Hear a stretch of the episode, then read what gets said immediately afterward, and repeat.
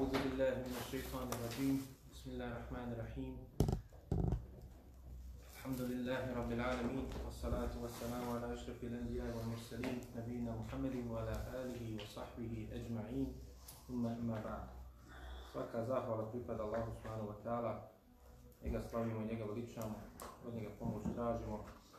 Neka je salavat i selam na njegovog posljednjeg poslanika, njegovog miljenika Muhameda sallallahu alaihi wa sallam, njegovu časnu porucu, sve njegove ashabe i one koji slijede njihov put do sudnjega dana. A zatim nalazimo se govoru Allahu, o životu Allahu poslanika sallallahu alaihi ve sellem u periodu šeste godine po poslanstvu.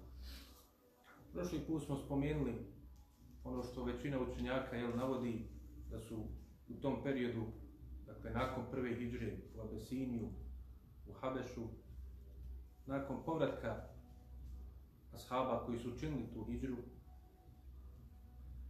Omer i Hamza radijallahu anhuma primili islam. Da smo spomenuli jel, prošli put da je po ispravnijem mišljenju Hamza još puno prije toga primio islam. Druge godine po poslanstvu, a da je, Hamza, a da je Omer radijallahu anhu kasnije primio, to jest po ispravnijem mišljenju kažu devete godine po poslanstvu. Ali učenjaci općenito kada navode životopis Allahovog poslanika sallallahu alaihi ve sellem na osnovu predaja koje smo rekli da su slabe, imaju slabost u sebi, stavljaju njihovo primanje islama u ovaj period. I zato što se to općenito poklapa i sa onim stanjem koje je bilo u tom periodu, prilikama koje su zadešavale se i muslimanima i Allahom poslaniku sallallahu alaihi ve sellem u periodu šesti godine po poslanstvu, u periodu između dvije hiđe u Abesiniju. To je dakle period kao što smo i navodili neke od primjera kada se već svjetlo upute počelo da širi, tmine zabude počele da se razbijaju, počelo je da se probija zvuk i, i glas o poslanstvu Allahov poslanika sallallahu alaihi ve sellem. Pa je dakle preko pojedinaca, preko onih koji su učinili hijđru, preko onih koji su dolazili u, u Meku pa su čuli nešto o poslaniku sallallahu alejhi ve sellem. I na kraju kao i kontraefekat onog mučenja i zlostavljanja koji su izlagali, kojim su izlagali ashabe, mušici, sve je to imalo efekat da se čulo o poslaniku sallallahu alejhi ve sellem. Čulo o islamu. Vidjeli smo da je Abdullah ibn Mas'ud učio javno Kur'an, da je poslanik sallallahu alejhi ve sellem također učio javno Kur'an. Da su čak i mušici prvi put kada su čuli suru Nežmu učinili seždu. Također i drugi, kogod bi čuo Kur'an, a njihov, njegovo srce bilo čisto i željelo da se napoji sa izvora upute, da bi odmah se odazivalo. Samo oni jel, zulumčari, oni silnici su odbijali da prihvate poziv Allahov poslanika sallallahu alejhi ve sellem iz raznih razloga. Pa dakle vidjeli su mušici da njihove metode više ne daju efekta. Pokušavali su svašta nešto. Spominjali smo općenito koje su sve moguće metode iskoristili da nisu ostavili ništa na putu zla, a da nisu kao sredstvo odvraćanja od Allahovog puta to iskoristili.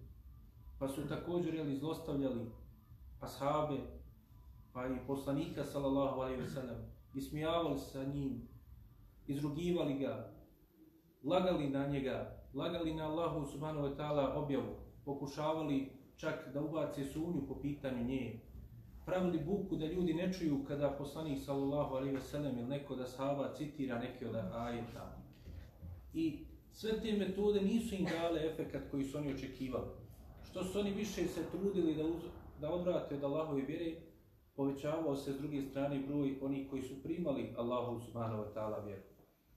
Pa tako jedne prilike, još jedna od metoda koju će iskoristiti baš u ovom periodu bila je da je u skupu tih i, i sjelu i skupu gdje su se skupljali, dakle mjestu gdje se sabirali dakle, vođe mušlika, vođe plemena Kurejiš koji su bili predvodnici borbe protiv istine, borbe protiv Allahovog poslanika, sallallahu alaihi ve sellem, predvođeni Ebu Džehlom, Utbom ibn Rabijom, Umejom ibn Halefom i mnogim drugim koje smo spominjali, dakle, tim najgorim Allahovim robovima koji su se najviše trudili da odvrate od Allahovog poslanika, sallallahu alaihi wasallam, bili su posustali na tom putu.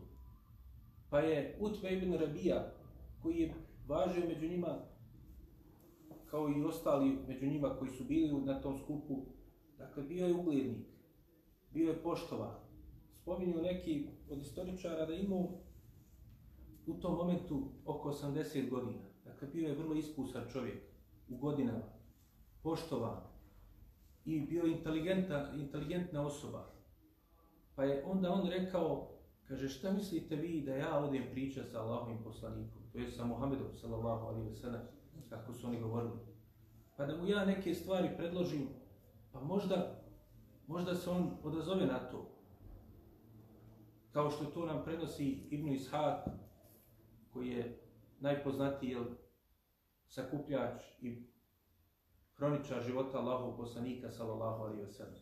U drugoj predaji se kaže da su oni, kao što su i prije toga govorili, da li je poslanik sallallahu alaihi ve sellem sihrbaz, da li je vrač, da li je pjesnik, pa kaže, rekao je Udba ibn Rabija, puste da ja odim.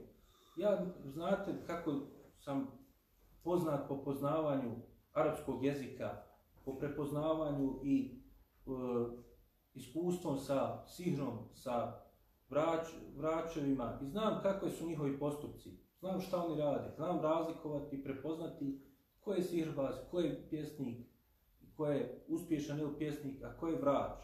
Pa pustite mene da ja odim pričat i ponut nešto Muhammedu. Ne bi li on odustao od toga što radi. Pa je otišao Utba ibn Rabija, Allahovom poslaniku, sallallahu alaihi wa sallam. Kaže se da je Utba ibn Rabija došao Allahovom poslaniku, sallallahu alaihi wa sallam, i rekao mu, o sine brata mog, ti si od naše krvi, od najboljeg našeg porijekla. Pa kaže, ti si mnogo nam belaja donio. Koji su belaji koji on donio njima? Pa kaže, rekao mu je, ti si, kaže, ulio naše bogove. pocijepuo si naše jedinstvo. Rekao si da su naši djedovi, naši predci, da su bili u zavrudi zbog onog širka koji su činili, jel? Pocijepo je njihovo jedinstvo zato što je pozivao da vjeruju Allaha subhanahu wa ta'ala, pa su se porodice razdvojile na one koji vjeruju Allaha i one koji ne vjeruju. Kaže, uništio si naše snove, da će nešto stvariti kako su oni mislili, da će postići neke velike rezultate sa tim što su hulili, što im je sramotio njihove bogove, njihove predke, kako će ih, kaže, poštovati drugi Arapi. Pocijepao je njihovo jedinstvo sa islamom, sa time što je pozvao da slijede pravi put, da budu na tevhidu, pa kaže kako ćemo jel nas pram drugi Arapa nastupati. Pa kaže šta treba da uradimo da ti ostaviš to. Mm. Kaže je li pitanje imetka? Pa kaže savraćemo ti imetak. Savraćemo imetak svako od nas. Najbogatiji ljudi su bili ti predvodnici plemena Kurejš. Imali su imetka, trošili su ga u borbi protiv Islama, Kaže, savraćemo ti, pa ćeš biti najbogatiji od nas. Nije problem. Spremni su i to da bude najbogatiji od njih. Kaže, je li pitanje vlasti? Daćemo ti vlast, učinit ćemo te da budeš naš vladar. Spominjali smo da Arapi općenito nisu imali vladara, da su imali jel, uglednike koji su poštovali jel, te dakle, formalne funkcije nisu imali. Ali nije problem, kaže, napravit ćemo te da budeš naš vladar, da budeš naš predvodnik. Je li, kaže, u pitanju to da se ženiš, da imaš dosta žena, pa kaže, izabrat ćemo ti od najboljeg porijekla, najljepše djevojke iz naših plemena i naših porodica, pa ćemo te sa deset od njih oženiti, ako je to u pitanju. Pa kaže također u drugoj predaji koja je došla kod Bejhaqija u Delajlu Nubuve i Asbehanija također u Delajlu Nubuve, dakle dokazi vjerovjesništva Allaha poslanika, Allahu poslanika sallallahu alejhi ve sellem kaže jel to bolest neka neko ti dolazi nešto što ne možeš da jel E, kontrolišeš misleći vjerovatno na džine pa kaže oni te bi, e, izlažu time da stalno moraš to slušati pa ne možeš da se toga odagnaš pa kaj naćemo najbolje doktore da te izliječe znači sve ti nudimo samo odustani od toga što govoriš. Poslanik sallallahu alaihi ve sellem nidno je saslušao sve ovo što mu je rekao. Krupne riječi, uvrede Allahovom poslaniku sallallahu alaihi ve sellem. Da se on more kupiti, da je to pitanje vlasti i metka, žena, da je to pitanje, da je on bolestan na uzubila, što govori. Ali je ošutio sve to poslanik sallallahu alaihi ve sellem. Jer ovdje nije pitanje lične uvrede. Ovdje je pitanje poziva Allahu subhanahu wa ta'ala vjeru. Odbrani Allahu i subhanahu wa ta'ala vjeri. I poslanik sallallahu alaihi wa sellem nikad se nije srdio radi sebe. Jedini put kada bi se srdio bilo bi kada bi se ugrozili propisi Allahu subhanahu wa ta'ala vjeri. Granice Allahove kada bi se ugrozile. Pa kaže poslanik sallallahu alaihi wa sallam je odšutio to i rekao mu Ebu Velide, a to je bio naziv, nadimak Utve ibn Rebije, Kaže, jesi li završio? Kaže, jesam, završio sam. Pa kaže, poslušaj onda šta ću ti ja reći. Tada je poslanik sallallahu alaihi ve sellem citirao mu ajete iz sure Fusile. Kaže Allah uzvišeni, أعوذ بالله من الشيطان الرجيم بسم الله الرحمن الرحيم حامين تنزيل من الرحمن الرحيم Kaže, hamim, objava od svemilosnog milostivog. Kitabun fusilet ajatuhu, Kur'anan arabijen li qavmin ja'lamun. Kaže, knjiga Kur'an, čiji su ajeti jasno objašnjeni. Kur'an na arapskom jeziku, za narod koji zna. Bashira wa naziran, wa arada, aktharuhum fahum la jesma'un. A pa kaže, dalje Allah uzvišeni, obeseljivač, onaj ko donosi radosnu vijest, to jest Allahu poslanik sallallahu alaihi ve sellem i sam Kur'an. I onaj koji je opomena, dakle taj Kur'an. Ali kaže većina ljudi se okreće i on oni ne žele da slušaju. وقالوا قلوبنا, قلوبنا في fi مما تدعوننا tad'una. A kaže naša srca su zamotana. Ne čujemo ono što nam govoriš. Posle ovoj suri došao je onaj ajet, Allah uzvišeni citira ono što su radili mušici, što smo spominjali, da su pravili buku da bi nadglasali Kur'an, da ljudi ne bi čuli. Pa kaj nastavio je dalje da citira suru Fusilet Allahu poslanih sallallahu alaihi ve sellem, a kaže Utbe ibn Rabija u jednoj od tih predaja, dakle od ibn Ishaka u Siri ibn Hiša, kaže on se zavalio i sluša te riječi, upija svako ti riječi, Ne more da to negira. Pogodilo je to njegovo srce. Poput strelice pogađa direktno ga u srce. Jer je to objava od Allaha subhanahu wa ta'ala. A u drugoj predaji kaže, slušao je sve dok poslanik sallallahu alaihi wa sallam nije došao do ajeta fa in a'radu fa kul anzartukum sa'iqatan misle sa'iqati 'ad wa thamud. Pa kaže, ako su oni okrenu, ako odbiju da slijede ove ajete, pa kaže, upozoravam vas udarom kakav je bio udar Adu i Semudu, narodima koje je Allah uzvišen i uništio. Adu je poslao Huda, pa ih je, nakon što su odbili da slijede Allahovog poslanika Huda, uništio je sa vjetrom. Strašnim vjetrom koji je uništio, zato što su, nakon što su im jasni dokazi došli, poslani, tražili dokaze, došli im dokazi, odbili Allah uzvišeni je vjetrom uništio. A kaže, Semudu je poslao Saliha, kojim je poslao onu veličanstvenu devu kao dokaz za njih. A u stvari bio dokaz protiv njih, zato što nisu htjeli da mu se odazovu, pa je njih uništio, uništio sa vriskom strašnim. Pa kaže, kada je čuo te riječi Utbe ibn Rabija, prepao se požurio je Allahom poslaniku i ufatio ga za njegova usta. Kaže, dosta, nemoj više. Prepao se, kao što je došlo u jednoj od tih predaja kod Ibn Hišama, njegove siri, kaže, prepao se jer se pobojio da će Allah uzvišeni u tom momentu spustiti na njih kaznu zato što su oni ti koji su okrenuli. Zato što oni znaju ko je bio Ad i Semud. Zato i kad su čuli ajete i sure Neđm, pali su na seždu, jer oni znaju ko je bio Ad i Semud, ko je bio Nuh, ko je bio Lut, i narodi njihovi koji se nisu odazvali. Pa kada, je čuli, kada su čuli te ajete i, i ovdje kada je Utba ibn Rabija, kada je čuo, prepao se i za, tražio od poslanika sallallahu alaihi ve sellem, rekao, sjeti se svoje rodbine, ufatio ga za usta, dakle, samo da zaustavi njegovo dalje učenje, bojeći se da Allah uzvišeni već u tom momentu neće spustiti kaznu. Dakle, pogledajmo, draga braćo, poznaju, poznaju te dokaze koje im izlaže. Kur'an ih pogađa. I boje se Allahove kazne, ali dalje odbijaju da slijede istinu. Pa se, kaže, Utba ibn Rabija vratio, otišao. Kaže se dalje, kaže, Ebu Džehl i ostali predvodnici mušlika, zapitali se šta vi sa Utbe, ne dođe, ne donese im vijest. U jednoj predaji kod Behete u Delajlu Dubuve kaže se da je on otišao i da kada je otišao, da je vratio se svojoj kući, nije smeo otići njima. Prepao se od onoga što je čuo. A u drugoj predaji se kaže da je došao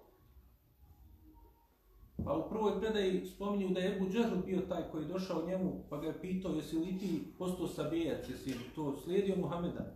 Čak, kaže, rekao Ebu Džehl, zar je to, kaže, hrana ti bila koju ti je ponudio Muhammed toliko, kaže, te opsihrila, pa da nisi mogao da se njoj odupreš, pa si primio to što Muhammed govori. Dakle, smijavo se.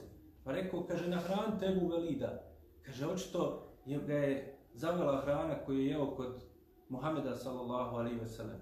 A u drugoj predaji se kaže da je sam Utve nakon nekog vremena otišao njima, pa su pitali ga šta je bilo. U svakom slučaju, na kraju se kaže i spominje da je Utve ibn Rabija njima ispričao šta se desilo. Ispomenuo šta je izložio poslaniku sallallahu alaihi ve sellem, šta mu je ponudio. I da je on na kraju mu citirao ajete i sure Fusilet. I da su ga ti ajeti toliko pogodili da se on prepao da neće Allah uzvišen ispustiti na njih kaznu. A u drugoj predaji koju spominje Behake u Dalajlu Nubuva i drugi, kaže se da im je rekao sljedeće riječi. Kaže, ja vam preporučujem da me, kaže, poslušate danas. Ose me nemoj morate slušati. Starac, uglednik, vodi računa o njima. Rekao im je riječi istine, Jer je kazao im, kaže, poslušajte me danas, poslije ne morate više me slušati. Poslušajte me danas da ostavite Muhameda. Ostavite ga i napustite ga, nemojte ga dirati. Pa kaže, ako mu se Arapi odazovu, odnosno ako mu se Arapi ne odazovu, vi ćete mu biti dovoljni. Kaže, jer ovo će biti nešto veliko iz ovoga sa čim je došao Muhammed, sallallahu alihi wa sallam. A kaže, ako mu se i Arapi odazovu, opet vi ćete biti zajedno s njim. Pa kaže, njegova vlast će biti i vaša vlast. Njegov ponos će biti vaš ponos. Pa kaže, bit ćete od najsretnijih ljudi. Pa kaže, ovi su rekli, kaže, zaveo ga je Muhammed. Kaže, napio se njegovog sihra, sihra. Pa zato ovako govori. Kaže, Utba ibn Rabija, ovo je, kaže, moje mišljenje ja sam ubijeđen u ovu, a vi radite kako hoćete. Pa su naravno odbili ove riječi. Nisu htjeli to da prihvate. I zato sam Utbe ibn Rabija kao i ostali propali su kao što su i zabilježeno da su jel, na razne načine svaki od njih propao. Utbe ibn Rabija je osim što je bio takav uglednik i bio već u godinama, ipak bio je jedan od najjačih, najvećih ljudi Kažu, jedva su našli oklop za njega, koliki je bio u bitci na Bedru. Ali opet je poginao kao mušik u toj veličanstvenoj bitci koja je bila furkan razdvajanje između istine i laži. Samo zato što je odbio poslanika sallallahu alaihi ve sellem, iako je znao da je to istina. Što kažu učenjaci, vidimo iz ovoga koliko je te pozicije i ugled koji ljudi imaju i boje se da će ga izgubiti, utiču na ljude da ne, pre, ne prima istinu, iako im postane jasna. Kao i to jel, što se ljudi često boje da će izgubiti neki metak ako se prihvate istine. izgubiti nešto što posjeduju. Ili se toliko vežu za svoje te pradjedove kao što su ovi mušici vezali. Pa jel, kad su rekli Ebu Talibu na samrti, nakon što mu je poslanik sallallahu alaihi wa sallam rekao, reci la ilaha illallah. Isto Ebu Talib je znao da je istina ono sa čim je došao Muhammed sallallahu alaihi wa sallam. To je opjevao u stihovima također. Još čak pomagao je Allahov poslanika sallallahu alaihi wa sallam. Ali kada su Ebu Džehl i ostali predvodnici mušlika mu rekli, zar ćeš ostaviti djedovu, vjeru djedovu, djeda Abdul Mutaliba, on je na kraju preselio riječima umire na vjeri Abdul Mutaliba. Jer ta vezano za te pradjedove, za tu tradiciju, koja nije utemeljena na Kur'anu i Sunnetu, često ljude zavede da od, od, odbace i ne prihvate istinu.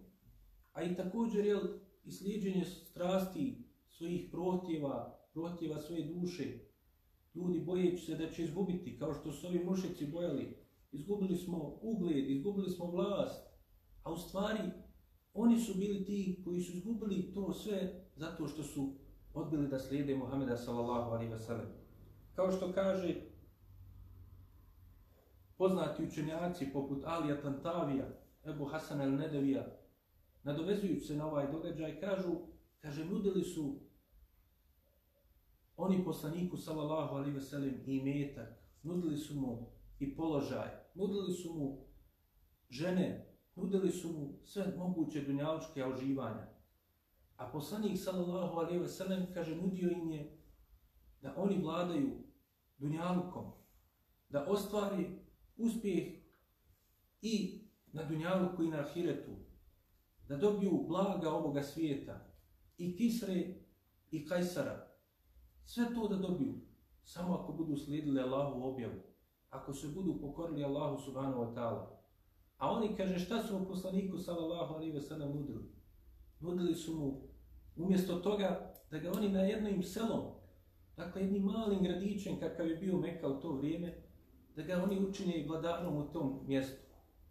Dakle, kako je kratkoročno i lako misleno razmišljaju mnogi koji se bore protiv Allahovi i subhanahu wa ta'ala vjere.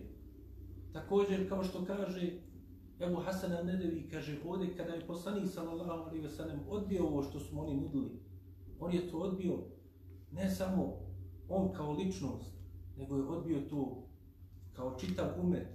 Odbili smo i odbija umet da se radi dunjaličkih stvari odrekne svojih vrijednosti. Vrijednosti koje crpimo iz Kur'ana i Sunneta.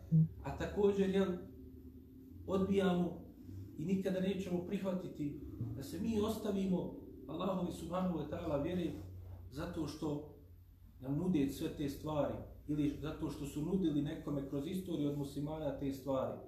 A dakle, naćemo da niko nije na takav način prihvatio to.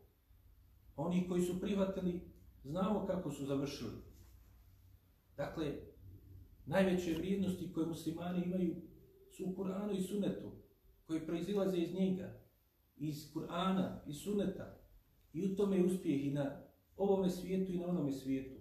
I zato i sam odabir ovih ajeta koji je citirao poslanik sallallahu alaihi ve sellem pokazuju veličanstvenost Kur'ana, pokazuju veličanstvenost odnosa Allaha uzvišenog i kako je mudro nam sve ajete pojasnio, kao što je rekao ovaj ovoj ajeti, jasno pojasnjeni ajeti, fusilet.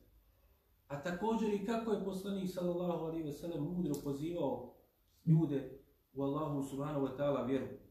Jer ovi ajeti, kao što vidimo, dakle ovaj dio isječak iz sure Fusilet koji je citirao poslanik sallallahu alaihi ve sellem od prvog do 13. ajeta, dakle vidjet ćemo da prvo govori da je to objava od Allaha uzvišenog.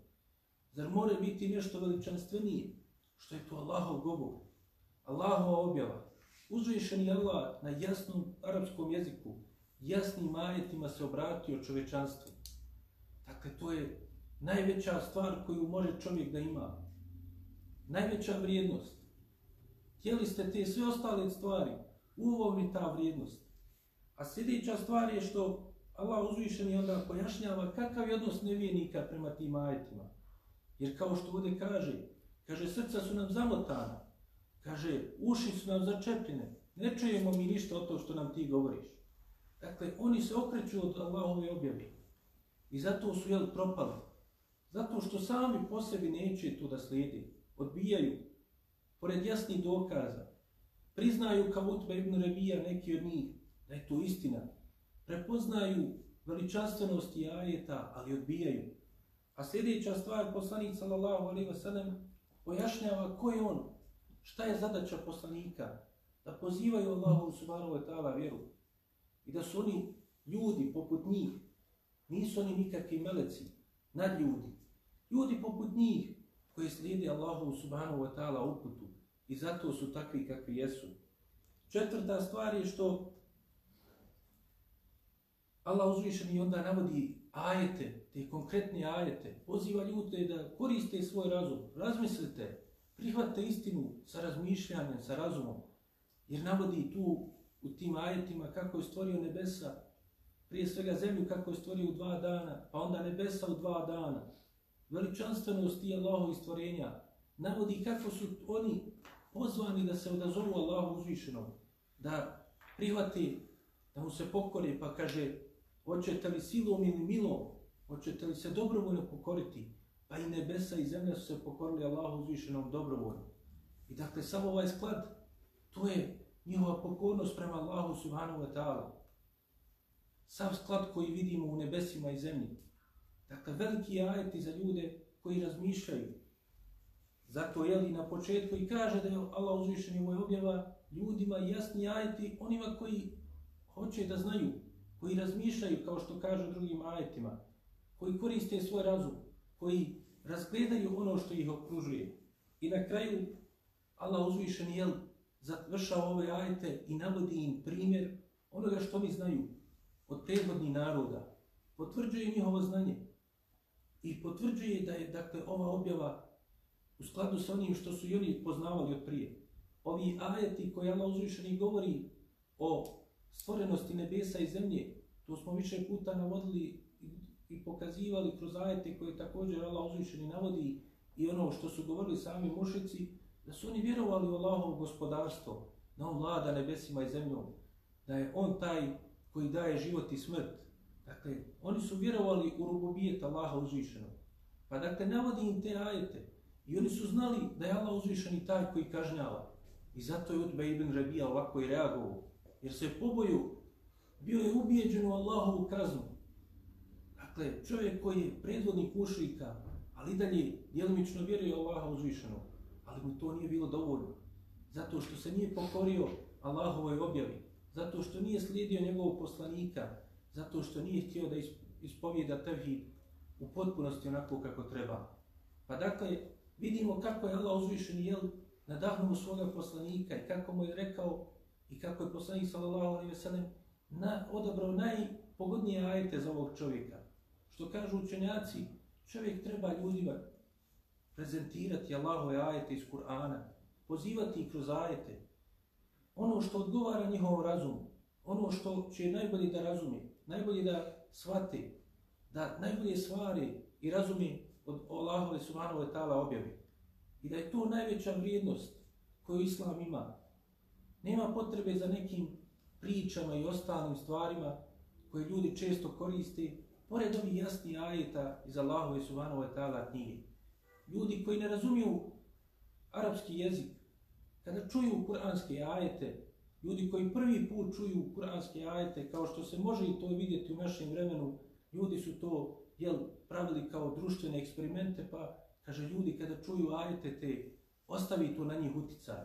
Ne znaju šta je, ali probija kroz mine zabuda koje su obavila njihova srca, probija poput strelica riječi Allahove subhanahu wa ta'ala, Allahove subhanahu wa ta'ala objave.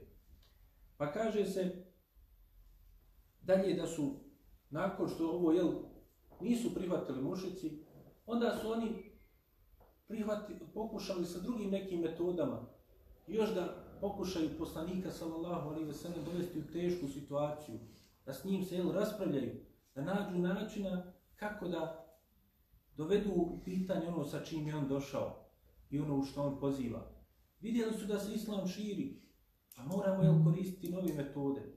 I nisu jel, prezali od toga da bilo koju metodu koriste, kao što smo to već navodili također. Pa dakle, onda su tražili od poslanika sallallahu alaihi ve sellem, kaže daj, daj nam neke ajete još. Dobro ti kuranski ajete, ali daj ti nam nešto konkretno. Daj nam nešto opipljivo.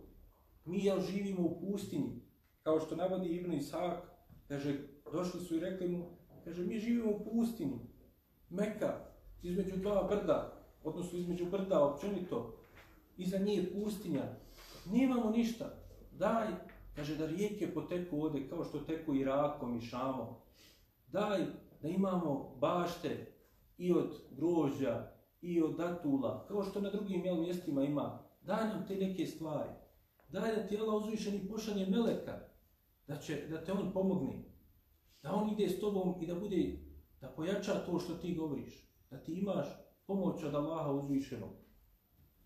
Daj oživi nam neke ljude da njih pitamo, naše neke velikane, poput, kaže, Kusaja ibn Kilaba, jednog od, od pradjedova njihovih, pradjedova i Allahov poslanika, sallallahu alaihi ve sellem, i općento plemena Kurejiš. Pa kaže da ako on potvrdi da je ovo istina što ti govoriš, kaže slijedit ćemo te. Kaže poslanik sallallahu alaihi ve sellem, mi je govorio, kaže ja nisam poslan s tim. Ja nisam poslan da vam te stvari donosim. Ja sam vam došao sa jasnom uputom od Allaha subhanahu wa ta'ala. Došao sam vam sa jasnim ajetima koje Allah uzvišen i objavljuje. A vi, kaže, ako ih prihvatite, imat ćete, kaže, udio, imat ćete blagodati i ovoga i onoga svijeta. A kaže, ako ne, ne prihvatite, ja ću saboriti dok Allah ne dođe sa svojim emrom i svojom odredbom i pozivat ću vas u istinu. Pa onda, kaže, kad su to čuli, rekli su, kaže, daj nam, daj nam malo da vidimo te Allahove kazne. Daj nek nešto spusti Allah uzvišeni. Da mi vidimo da stvarno Allah uzvišeni te podržava. Neka pošalje nešto od toga što je zadesilo od prethodnih naroda. Kaže, neka pošalje meleke, strašne, da ih vidimo. Kaže, poslanik sallallahu alaihi wasallam je također rekao, kaže, ja to ne mogu raditi. Kaže, ja sam, kaže, samo čovjek poput vas. Pozivam vas. Vi ako hoćete, odazovite se, ako nećete, ne morate. Allah uzvišeni me je poslao da vas obveselim sa, sa radosnim vijestima od onoga što je Allah uzvišeni pripremio za vijenike u dženetu i da vas upozorim od kaznje i propasti na ovome svijetu i na onome u džehennemu ako vi se ne odazovete. Pa kaže, ja ću saboriti ako vi odbijete sve dok Allah ne dođe sa svojim odredbom. Pa kaže, nakon toga su jel, rekli, spominje se da je jedan od ljudi koji je bio u toj grupi bio Abdullah ibn Ebi Umeje al-Mahzumi. Također jedan od onih koji će biti sa Ebu Talibom u momentu kada on bude preseljavao sa ovoga svijeta. U tom momentu on je bio jedan od mušlika. A poslije će u godini oslobođenja Mekke i on primiti islam i biti ashab radi Allah anhu. Dakle, bit će u jednom momentu veliki nevinik, ali poslije će vremenom ipak se vratiti i ući ući uputa u njegovo srce. Pa kaže, on je bio od tih koji je bio u ovom momentu jedan od najžešćih poslaniku, sallallahu alaihi wa sallam. Pa je rekao, kaže, kaže, mi smo ti, kaže, ponudili da nam dođeš sa tim ajetima od Allaha uzvišenu, sa moj. Često je se kod nas kažu moj za ono što je poslanik, sallallahu alaihi wa sallam, dobijao od nadnaravnih pojava. Učenjaci kažu da je bolje da se kažu ajeti, Jer u Koranu nigdje nećemo naći da je Allah uzvišeni to nazvao kao muđize. Nazvao je to ajetima, burhanima, bejinatima, to jest jasnim dokazima. Zato što muđiza to je neš, neka nadnaravna pojava. Ona može biti i poslanicima, to su ovi jel, ajeti, može biti i njegovim dobrim robovima i to su kerameti, a može biti i nadnaravna pojava sihrbazima. Tako da jel, uradi neke stvari kao što znamo što rade sihrbazi ili vraćari. Pa dakle, to je malo nedefinisan, nedefinisana kategorija i e, previše opšina, pa kažu da je preciznije koristi kuranske izraze, poput ajeta. Zato jel, spominjemo ili vidimo iz ove prodaje da su govorili daj nam neke ajete. Pa kaže, e, tražili su, daj nam onda, kaže da ti, da nešto što potvrđuje, kaže, tražili smo od tebe da nešto od ajeta tih, da dadneš nam neke dunjalička stvari, da mi vidimo nešto opipljivo, neke koristi, da imamo rijeke, nemamo vode, da imamo bašte, da, da imamo te neke dunjaločka uživanja. Pa kaže da to bude potvrda tvoga poslanstva. Pa kaže to si odbio. Pa smo tražili da Allah uzvišeni tebi dadne neke od tih stvari. Pa kaže ti si također to odbio. Da tebi, da vidimo da ti imaš neke dvorce, da imaš neka uživanja na ovome svijetu. Dakle, da tebe posebno ili imaš dunjalučka neka uživanja kojima ćeš se odlikovati među ljudima, da bude potvrda da si ti doista poslan od Allaha. Pa si i to odbio. Pa smo tražili da pošalje ti meleke koji će te pomoći i potvrditi to tvoje poslanstvo. Pa si ti i to nisi nam udovoljio. Pa kaže, tražili smo da spustiš nam kaznu ako istina to što govoriš. Da ako smo mi na zavodi, da nas zadesi kazna, da se mi jel, uzmemo opomen. Pa kaže, i to nisi udovoljio nam. Pa kaže, tako mi Allaha, kaže, ja ti neću vjerovati. Sve dok ne vidim da si, kaže, napravio stepenice, napravio ljestve do nebesa, pa kaže da se spustiš sa ti nebesa, ja te gledam kako se spuštaš sa četiri meleka koja će da potvrde tvoje poslanstvo i da si ti na istini. Dakle, veliko, veliko, veliki inat i odbijanje, veliko oholjenje su imali kod sebe, zato što nisu, nije im se udovoljilo ovim njihovim zahtjevima. Ali to je bila Allahova subhanahu wa ta'ala mudrost. Potvrda Allahove mudrosti što im se to nije udovoljilo. Mogu je to Allah uzvišeni dati sve što su oni tražili. Ali da li bi to bilo dobro za njih? Da li bi bilo dobro za njih, kao što kažu učenjaci, da je Allah uzvišeni dao im doista te ajete? A oni kada bi vidjeli te ajete, kao što i Jadi Semud koji je vidio ajete, dakle, ovi su to iz izrugivanja govorili, iz ismijavanja. A dakle, da su i došli ajeti, oni sigurno ne bi prihvatili. I onda bi Allah uzvišeni odmah uništio. Kao što uništavao i prirodne narode. Allahu poslanik Muhammed sallallahu alaihi ve sellem je poslan kao milost svjetovi. On je saburio na svemu tome što su oni priredili. Trpio je sve te stvari. Ne bili se neki od njih odazvali. Kao što je i ovaj Abdullah ibn Abi Umeje al-Mahzumi, koji je ovakve riječi rekao, na kraju primio islam i postao ashab Allahov poslanika sallallahu alaihi wa sallam. Allah uzvišen i mnoštvo ajeta navodi ove stvari da su tražili. Kaže, وَقَالُوا لَوْلَا أُنزِلَ عَلَيْهِ مَلَكْ Kaže, kažu, kamo sreće da je njemu poslan melek, znači da bude s njim, da, ga po, da potvrdi ono što on govori. Također su govorili, وَلَوْ أَنَّ قُرْآنًا سُيِّرَتْ بِهِ الْجِبَالُ أَوْ قُتِّعَتْ بِهِ الْأَرْضُ أَوْ كُلِّمَ بِهِ الْمَوْتَى Belillahi l-amru džami'a. Kaže Allah uzvišeni, kamo sreće da je, kaže ovaj Kur'an, oni govori da je ovaj Kur'an učinio da se brda pomiri. Dakle, da se njima, jel, ta raširi, ta dolina, dakle, da Meka bude velika dolina u kojoj će imati ta dunjalučka uživanja, kako su oni mislili, da je samo to u tom istinska sreća, istinski uspije. A dunjaluk ne vrijedi ni koliko krilo mušice kod Allaha uzvišeno. Ne vrijedi jedno mjesto koliko zauzima šta, zauzima, dakle, e, bić u džennetu ne vrijedi sve što je na Dunjaluku, sve, čitav Dunjaluk i sve što je na njemu ne vrijedi koliko zauzima jedan bić. Dakle, prostor u džennetu koliko, na koji ne može čovjek ni stati, ne može ga ni zauzeti da stane samo na njega. Dakle, toliko malo, toliko malo dio dženeta vrednije od svega na ovome svijetu. I to je ono što je pozivao Allahom poslanih sallallahu alaihi wa sallam.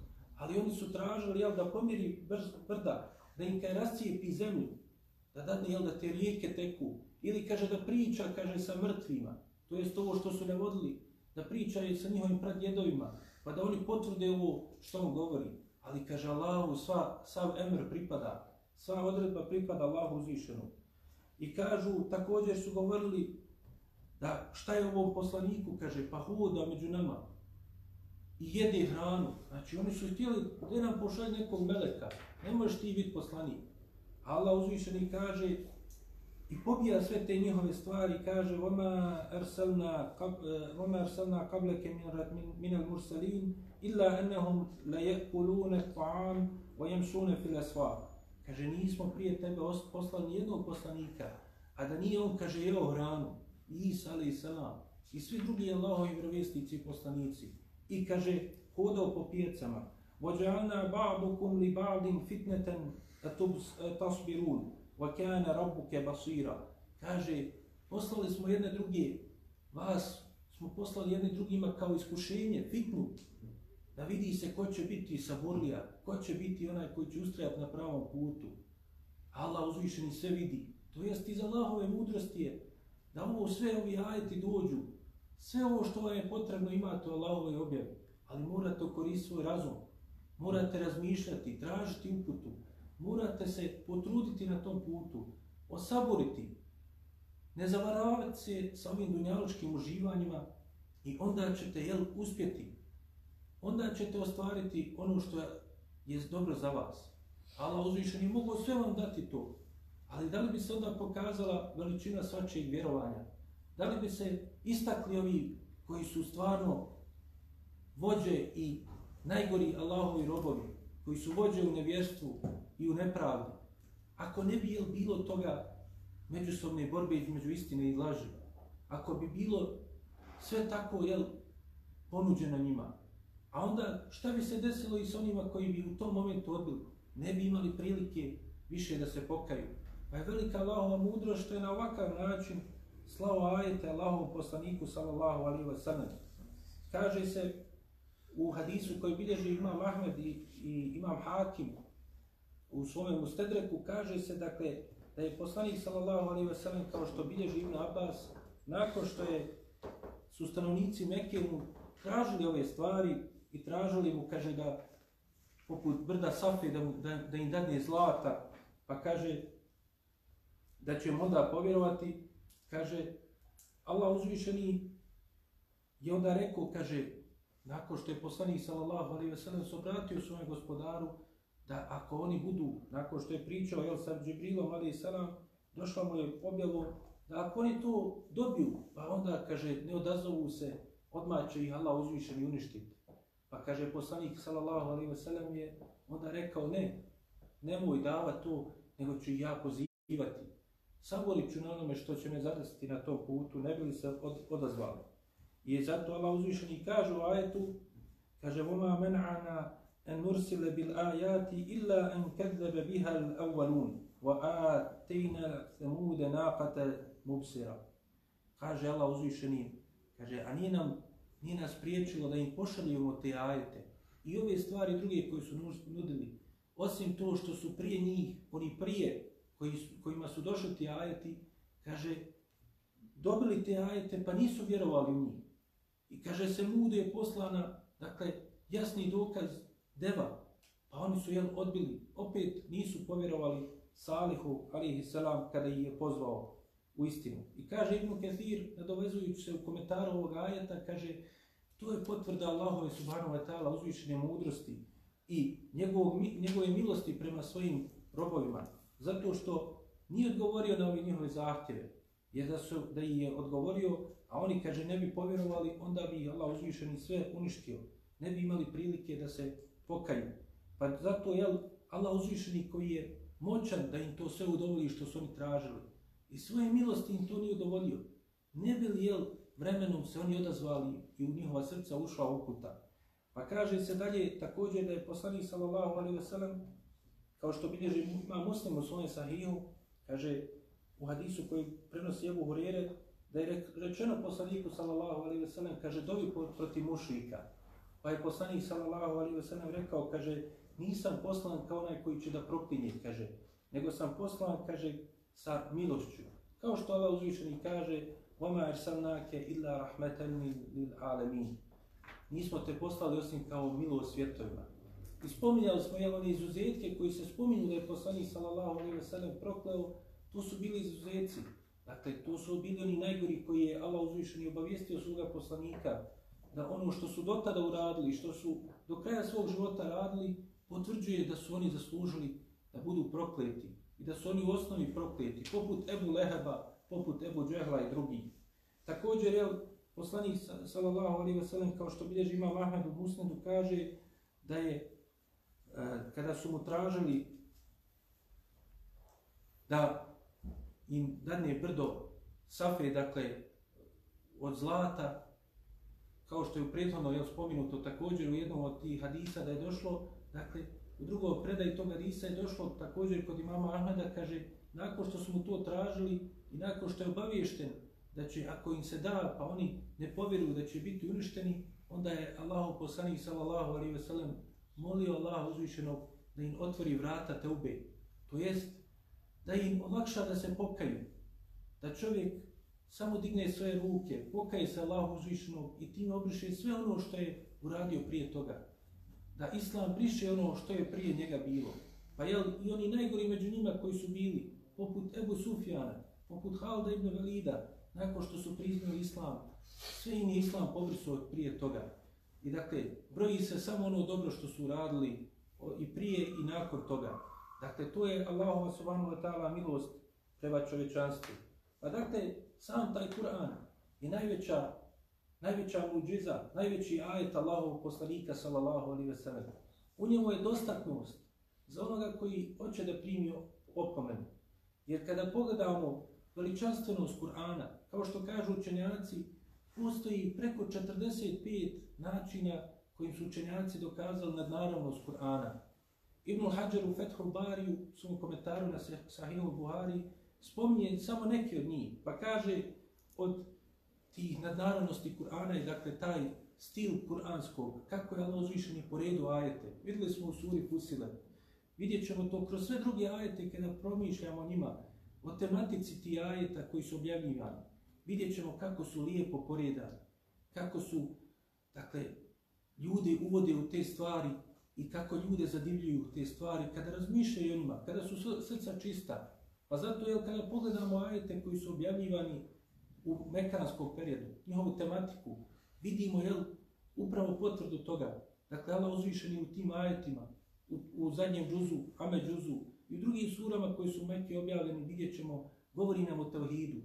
Koliko je važno da se vežemo za Allaha, koliko je važno da znamo da je samo istinska veza sa Allahom rezultat koji daje prav, pra, da, da, u tome se kriju pravi rezultati. Dakle, oslanjanje na Allaha uzvišenog. A zato je potrebno da se čisti duša. Pa zato Allah uzvišeni mnoštvo ti ajeta nas poziva da čistimo svoju dušu. Da otklanjamo i svoje duše i ljubav prema dunjavku. Vezivanje za nešto mimo Allaha uzvišenog. Da čistimo dušu od svih prohtjeva te duše. Da, da svoju dušu suzdržavamo od nekih stvari koje nam štete u osnovi. A čovjek je, jel, Allah uzvišeni ga stvorio s njima da bi ga iskušao. Opet da se vidi ko će jel, postupiti na koji način. Ko na ispravan, na ko na pogrešan način. Također u tim ajetima vidjet ćemo potvrdu na mnoštvo načina poslanstva Muhammeda sallallahu alaihi wa sallam. Zbog čega? Zato da bi ga slijedili. Zato da bi se čvrsto držali njegovog puta, njegove upute. Da bi tako jel, došli do željenog cilja i na dunjalku i na hiretu. A onda nam se jel, pokazuje taj cilj. Pokazuje nam se jel, sudnji dan. Uživanje u dženetu i džehennemu. Da se ljudi jel, poduči, da znaju da imaju pred svojim očima stalno kada nešto rade, da imaju pred sobom, ako rade dobro djelo, imaju dženet i da znaju kakve su nagrade pripremljene. Dakle, samo djelići koji su nam pokazani, a ono što se još tamo nalazi, ne more nam ni oko da, da zamisli, da, da razum zamisli, ni da oko, dakle, nije to vidlo, ni uho nije čulo takve stvari. A također, jel, kada radiš neki grije, sjetiš se, džehennema i šta je Allah uzvišeni pripremio od kazni za one koji griješe u džehennemu. Pa dakle, Allah uzvišeni je na mnoštvo načina Kur'an nam je pokazao kao ajet. Također je ta njegova nadnarodnost u njegovoj stilistici. Arapi koji su najbolje poznavali arapski jezik, koji su mhm. najbolje poznavali pjesništvo, ostali su zaprepašteni kada su videli kuranski izraz. Kako u kratkim ajetima se toliko mnogo stvari kaže, i nadvisilo sav stil koji su oni imali u svome pjesništvu. Također, to su priznali i oni koji nisu od Arapa, koji jel, dobro poznaju stilove i stilistiku jezika. Također, sljedeća stvar jeste što, kao što smo vidjeli, Kur'an navodi kazivanja prirodnih naroda. Arapi su znali za mnoga od tih kazivanja. Neka od tih kazivanja oni možda nisu znali. Znali su jevriji, kršćani. Prepoznavali su tim ajetima. Zato, jel, naćemo ajete u kojima kada su čuli neke od stvari, onda su proklinjali Džibrila, kao što nam Allah uzvišeni u suri Bekari spominje, i Mikaila i ostali e, meleke, zato što su razotkrivali njihove tajne kako su oni smatrali. Mislili su, jel, to su ti meleci donijeli Muhammedu sallallahu alaihi ve sellem pa nas ramoti. A u stvari, a to je Allahova subhanahu wa ta'ala objava kojom je on jel, podučavao sve ono što se dešavalo prije. I to je velika nadnarodnost u Kur'anu. Također, to što spominje mnoge stvari od stvari budućnosti koje će se desiti do sudnjega dana i od stvari na sudnjem danu, a i onoga od prije, naćemo u Kur'anu da se spominju. Spomenimo samo jedan primjer. Kako je veličanstven, dakle, Allahov Kur'an, Allahova objava. Allah uzvišeni u suri Ahzab spominje da kada su vjernici vidjeli, kao što će Mišala to govoriti to, o toj veličanstvenoj bici, bici saveznika ili bici na Hendeku, kada su, kaže, vidjeli ashabi, vjernici, dakle, govori se u suri Ahzab i o vjernicima, kako su oni vjerovali, a iz druge strane o munavcima kako su oni sumnjali. Dakle, poredi se njihova vjerovanja. Pa kaže, kada su vidjeli mušići, oni se prepali. I oni se svega prepadali. Sve se bojali šta će nam raditi ovi, šta će nam raditi oni. Ali vjernici, kada su vidjeli Ahzab, saveznike koji se skupili, ispred njih saveznici, zamislimo tu sliku, ispred njih saveznici, između njih handak, handak iskopa, rov, iza leđa njih jevriji i munafici, u Medini rovare protiv njih, a poslanik i ashabi, mala skupina, naspram ti veliki saveznika, šta su rekli tada ashabi? Kaže Allah uzvišeni, وَلَمَّا رَعُوا الْمُؤْمِنِينَ الْأَحْزَابِ قَالُوا هَذَا مَا وَعْدَنَ اللَّهُ وَرَسُولَهُ وَصَدَقَ اللَّهُ وَرَسُولُهُ Kaže Allah uzvišeni, kada su vjernici vidjeli Ahzab, rekli su, kaže, ovo je ono što nam je Allah uzvišeni obećao i njegov poslanik. I istinu su rekli Allah i njegov poslanik. Je se prepali, je se bojali kako će i šta će. Allah uzvišeni je to obećao. Vjeruju Allah uzvišenog nego, više nego što vjeruju sami sebi. Pa kažu dalje, Allah uzvišeni kaže وَمَا زَادَهُمْ إِلَّا إِمَانًا وَتَسْلِيمًا Kaže, to im nije povećalo strah, nije poljuljalo, nego kaže, to im je povećalo njihov iman, vjerovanje i predanost Allahu uzvišenom. Jer, znači, to što je se desilo, neće nas Allah uzvišeni ostaviti ako smo vjernici, ako smo na pravome putu. Kao što Allah uzvišeni, oni se sjetili ajeta mnogi u kojima Allah uzvišeni prije toga i jel podučavao kada im kaže Em hasibtu men tadhulu džennete walamma yatikum jetikum methalu ledine halau min qablikum. Kaže, zar ste mislili, zar ste računali da ćete ući u džennet, a da vas ne zadesi ono što je zadesilo oni prije vas. Mesethumul beksa i me Kaže, vazulzilu. Kaže, zadešavali su ih i nevolje i nedače i poljuljali bi se. Vazulzilu, hatta yakulu rasulu wal ladina amanu ma'a kaže zaljuljali bi se i poljuljali znači bi, morali bi da se učvrste i vjerovjesnik i poslanik koji je bio s njima i oni koji vjeruju s njim kaže dotle da bi rekli kaže meta nasrullah kad će više Allahova pobjeda u Mekke sve to što su proživljavali kad će Allahova pobjeda u Medini dolazi, kad će Allahova pobjeda moraju da trpe razne stvari Vidjeli smo šta je govorio Habab ibn al-Arad kada je doživio sve što je doživio. Pa poslanik sallallahu alejhi ve sellem kao što nam prenosi Buhari u svom sahiju kaže kaže vi ste narod koji požuri. Spominje šta se dešavalo narodima prije, kaže. Da su im kidali sa njihovih živih tijela, dakle meso sa kanđama, da su ih uzeli za kopaju pa bi ga prepolovili, samo što je vjerovao u Allaha uzvišenog. Ali vi ste, kaže, narod koji požuri. Dakle, morate saboriti doće Allahova pobjeda. Kaže Allah uzvišeni, Ela inne nasra Allahi karim. Doista je, kaže Allahova pobjeda blizu. Pa dakle, to je način kako, su, kako je Kur'an veličanstveni Allahov ajet i naj, veća muđiza Allahov poslanika, sallallahu alaihi wa sallam. I zbog toga, kao što dalje kaže, kao petu stvar navodi Ibn Hajar, kaže, to što čovjek kada uči Kur'an, onaj koji ga razmišlja o njemu, svata njegova značenja, dakle, njegovo srce zatreperi kada čujete ajete. Spominjali smo primjer Džubeira ibn Mut'ima, kada je čuo suru Tur od početka do njih ajeta koji se poziva čovjek da razmišlja. Sura u kojoj Allah uzvišen ne obavještava također u veličanstvenosti Allahove objavi. Spominje da će mušici biti kaženi sa vatrom. A onda spominje šta je pripremio za vjernike. I onda na kraju poziva da razmišljaju o tome, jesu li oni sami sebi stvorili ili su bez ičeg stvaranja nastali, jesu li oni ti koji vladaju ili ima nešto drugo da vlada mimo Allaha subhanahu wa ta'ala. A oni potvrđuju rububijet Allaha uzvišenog. Zato Džubeir ibn Mutim, kada je čuo te ajete koje je učio poslanik sallallahu alaihi wasallam rekao je, kaže, tijelo mi je srce da poleti, da iskoči iz prsa, zato što je vidio veličanstvenost tih ajeta, zatreperilo je njegovo srce od tih ajeta. I također, čovjek, kao što kaže Ibn Hajar, nikad se ne može zasiti od toga i ne možemo dosaditi da sluša Allahove ajete. Koliko puta je spominuto kazivanje u Musa'u, ali i salam, i Faraonu. Na mnoštvo načina u Kur'anu. Svaki put neka nova fajda, neka nova korist u njemu se krije. Ako čovjek razmišlja. Dakle, i općenito ljudi koji ne poznaju arapski, koliko puta prouče Kur'an, nikad i nije to dosadno.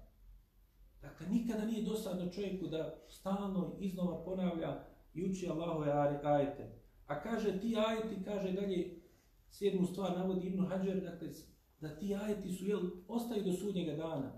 Do sudnjega dana će oni vrijediti. I ljudi će moći se da okoriste iz njih. I osma stvar koju spominje jeste, kaže, da u tim ajetima se kriju osnove svih mogućih nauka, temelji svih nauka. Dakle, Allah uzvišen je počeo objavu sa ikre, uči. Dakle, ljude podstiče da razmišljaju, da se podučavaju, da spoznaju Allaha subhanahu wa ta'ala, da spoznaju njegovu veličanstvenost, njegova lijepa imena uzvišena svojstva, da spoznaju dženet i džahenem, propisa Allahove vjere. Onda će nakon toga Allah uzvišen i olakšati da spoznaju sve ostale nauke. Jer temelji ti nauka se jel, kniju, kriju i koristi za čovječanstvo, kriju za sva vremena i u svakim prilikama i raznim okolnostima upravo u kuranskim ajetima. I to možemo vidjeti od ovih ajeta jel, koji govori o stvarima iz budućnosti koje se vremenom Allah dao da ostvari. Znači, pa u tim vremenima su ljudi prepoznavali. I kako čovjek iz tih iskustava koje su doživljavali prethodni narodi moraju prepoznati uzroke zašto nešto ne funkcioniše i kako da se popravi iz toga što se dešavalo tim prethodnim narodima. Dakle, u svemu tome se krije mudrost u slijedženju i učenju Allahove subhanahu wa ta'ala Kur'ana i da je to, dakle, taj ajet zbog čega je Omer ibn al-Hattab radijallahu anhu i rekao, kaže, mi smo narod koji je Allah uzvišen uzdigao sa Kur'anom. Kaže, kad god budemo tražili ponos u nečemu mimo Kur'ana, Allah uzvišeni će nas poniziti. Zbog svih ovih veličanstveni ajeta i nadnarodnosti koje se kriju u njemu.